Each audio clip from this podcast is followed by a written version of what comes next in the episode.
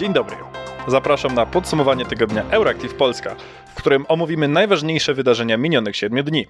W tym uderzenie pocisku w województwie lubelskim oraz wystrzelenie na księżyc misji Artemis. Nazywam się Bartosz Sieniawski, a w wirtualnym studiu znajduje się także Patrycja Gosk. Kryzys przy granicy polsko-ukraińskiej.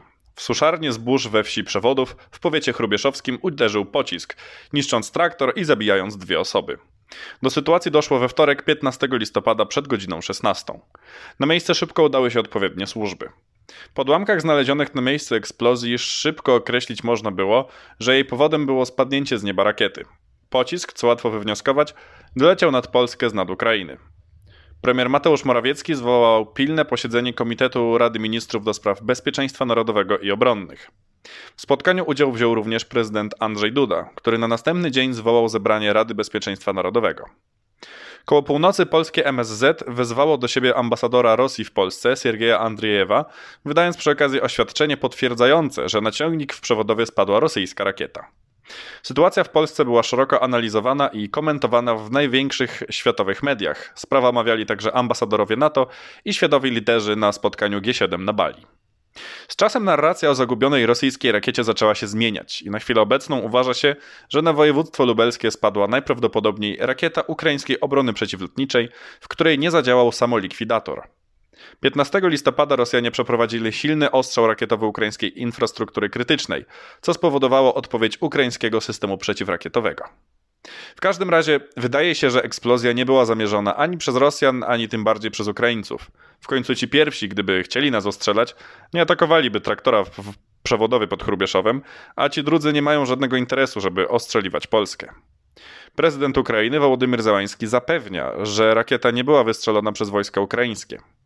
Publicznie nie zgodził się z tym jednak prezydent USA Joe Biden. Pamiętajmy, że nawet jeśli pocisk, który spadł na przewodów, należał do Ukrainy, to powodem, dla którego Kijów wysyła w powietrze swoje pociski, jest ciągły ostrzał terytorium Ukrainy przez zbrodnicze wojska rosyjskie. W tej sytuacji moralną odpowiedzialność za ten wypadek i tak ponosiłaby Moskwa. 15 listopada, zgodnie z przewidywaniami ONZ, ludzkość przekroczyła próg 8 miliardów. W ciągu zaledwie 11 lat 7 miliardów ludzi zrobiło się nas miliard więcej.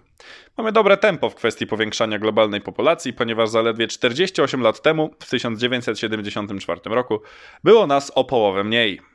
Do rozwoju światowej populacji przyczyniają się takie czynniki jak upowszechnienie się opieki zdrowotnej czy poprawa warunków sanitarnych.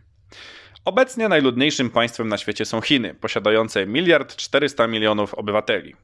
Na drugim miejscu stawki znajdują się Indie i ich 1 miliard 390 milionów mieszkańców. Według szacunków ONZ w przyszłym roku to właśnie Indie staną się najludniejszym krajem na świecie. Wojna w Ukrainie to tragiczne wydarzenie, które jak widać rozprzestrzenia się również na państwa ościenne, zbierając śmiertelne żniwo. Mimo to mają w jej trakcie miejsce wydarzenia pełne radości i łez szczęścia, tak jak odbicie Hersonia z rąk Rosjan, do którego doszło 11 listopada. W ubiegłym tygodniu Rosja ogłosiła wycofanie się z tego miasta na lewy brzeg Dniepru. Już 10 listopada pojedyncze ukraińskie jednostki zaczęły docierać na granice miejscowości, a 11 listopada nad Chersoniem oficjalnie zawisła ukraińska flaga. Na ulicę wyszły setki ludzi, które, machając ukraińskimi flagami, rzucały się na szyję ukraińskim żołnierzom wkraczającym do miasta. Hersoń był największym miastem obwodowym zajętym przez Rosjan od 24 lutego.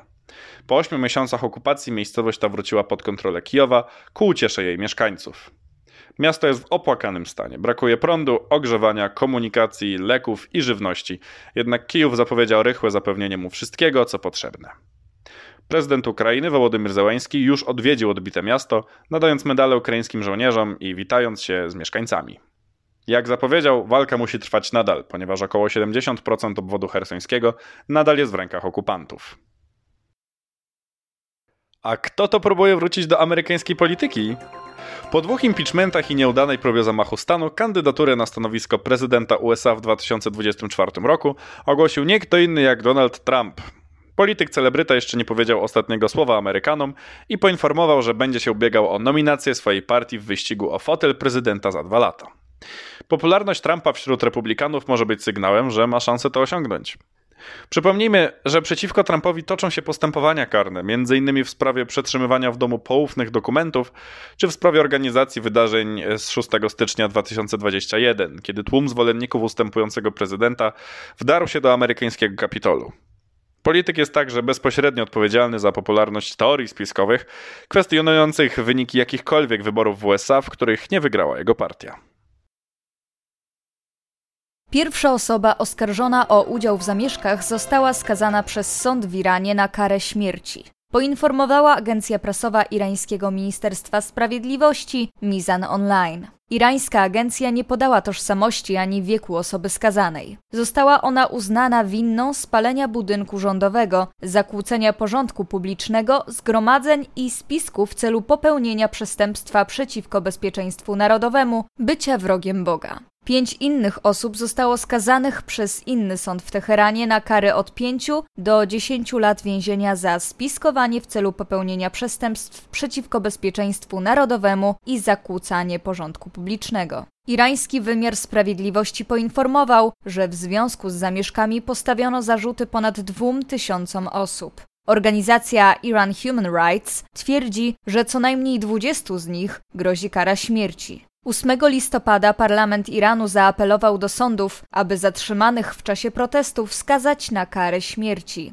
Na 290 posłów 227 zagłosowało za takim rozwiązaniem. Protesty w Iranie wybuchły we wrześniu po śmierci 22-letniej Mahsa Amini. Została ona aresztowana przez policję moralności za nieodpowiednie nakrycie głowy, a następnie zmarła w niewyjaśnionych okolicznościach. Jej rodzina twierdzi, że kobieta zmarła na skutek pobicia przez funkcjonariuszy. Według IHR w antyrządowych protestach zginęło już co najmniej 326 osób.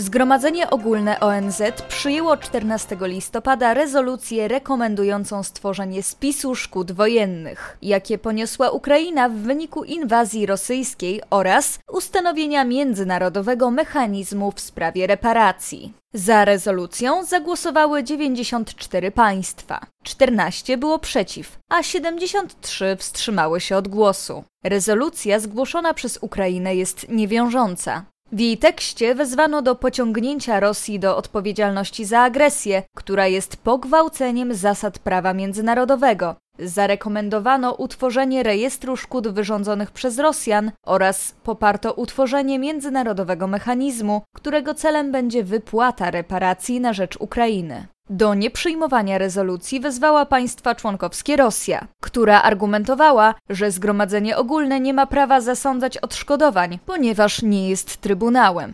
Według Rosjan przyjęcie rezolucji będzie miało systemowe konsekwencje dla całej organizacji. Przeciwko rezolucji zagłosowały oprócz Rosji również między innymi Chiny, Syria, Korea Północna, Etiopia, Białoruś, Mali, Iran czy Nikaragua. Bardzo wiele krajów wstrzymało się od głosu. Były to m.in. Indie, Indonezja, Brazylia, Arabia Saudyjska czy Republika Południowej Afryki oraz wszyscy poza Białorusią i Rosją członkowie Organizacji Układu o Bezpieczeństwie Zbiorowym, czyli Armenia, Kazachstan, Kirgistan i Tadżykistan. Amerykańska rakieta Space Launch System wystartowała 16 listopada z ośrodka NASA na Florydzie i wyniosła na orbitę statek Orion. Była to już trzecia próba startu rakiety. Rakieta wystartowała z ośrodka NASA Kennedy Space Center o godzinie 7.48 czasu polskiego. Rakieta SLS, która wyniosła na orbitę statek Orion, jest najpotężniejszym pojazdem kosmicznym w historii. Ruszamy dalej na Księżyc i jeszcze dalej, powiedział prowadzący transmisję. To pierwszy lot w ramach programu Artemis, którego celem jest stała obecność ludzkości na Księżycu. Artemis to misja realizowana wspólnie przez NASA, firmy prywatne i Europejską Agencję Kosmiczną. Statek Orion ma okrążyć Księżyc znajdując się około 100 km od jego powierzchni, a następnie wrócić na Ziemię. Zgodnie z planem, rakieta ma wejść na orbitę okołoksiężycową 25 listopada i spędzić na niej blisko tydzień. 1 grudnia Orion ma opuścić orbitę. 5 grudnia rozpocząć powrót na Ziemię, tak by 11 grudnia wylądować na Oceanie Spokojnym. To dopiero pierwsza odsłona misji Artemis. W 2024 roku odbyć ma się misja Artemis II, w czasie której podobny lot odbędzie rakieta, tym razem jednak z astronautami na pokładzie. W 2025 roku astronauci mają wylądować na Księżycu, a rok później założyć na nim stałą mieszkalną bazę. Stała obecność ludzi na Księżycu ma być przygotowaniem do eksploracji Marsa.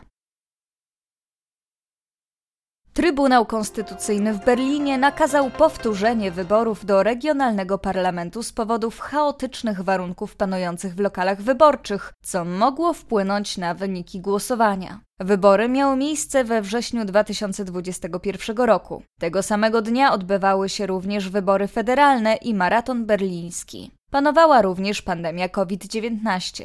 Sytuacja ta doprowadziła do tego, że do lokali wyborczych ustawiały się ogromne kolejki, a niektóre lokale musiały być nawet chwilowo zamykane. Podniesiono również zarzut, że z powodu chaosu niektóre wydane karty do głosowania były niepełne lub niewłaściwie wydrukowane. W związku z tym Trybunał Konstytucyjny w Berlinie nakazał powtórzenie wyborów zarówno do regionalnego parlamentu, jak i do rad 12 stołecznych dzielnic. Według gazety Tagesspiegel władze miasta podjęły decyzję, że ponowne wybory odbędą się 12 lutego. Według najnowszych sondaży na największe poparcie liczyć może partia CDU-CSU, bo aż na 21%. Zaraz za nią plasują się SPD i Zieloni. Każda z nich może liczyć na 20% poparcia. W zeszłym tygodniu Bundestag podjął również decyzję, że ponowne wybory do niższej izby parlamentu powinny odbyć się w 431 z 2250 berlińskich lokalów wyborczych.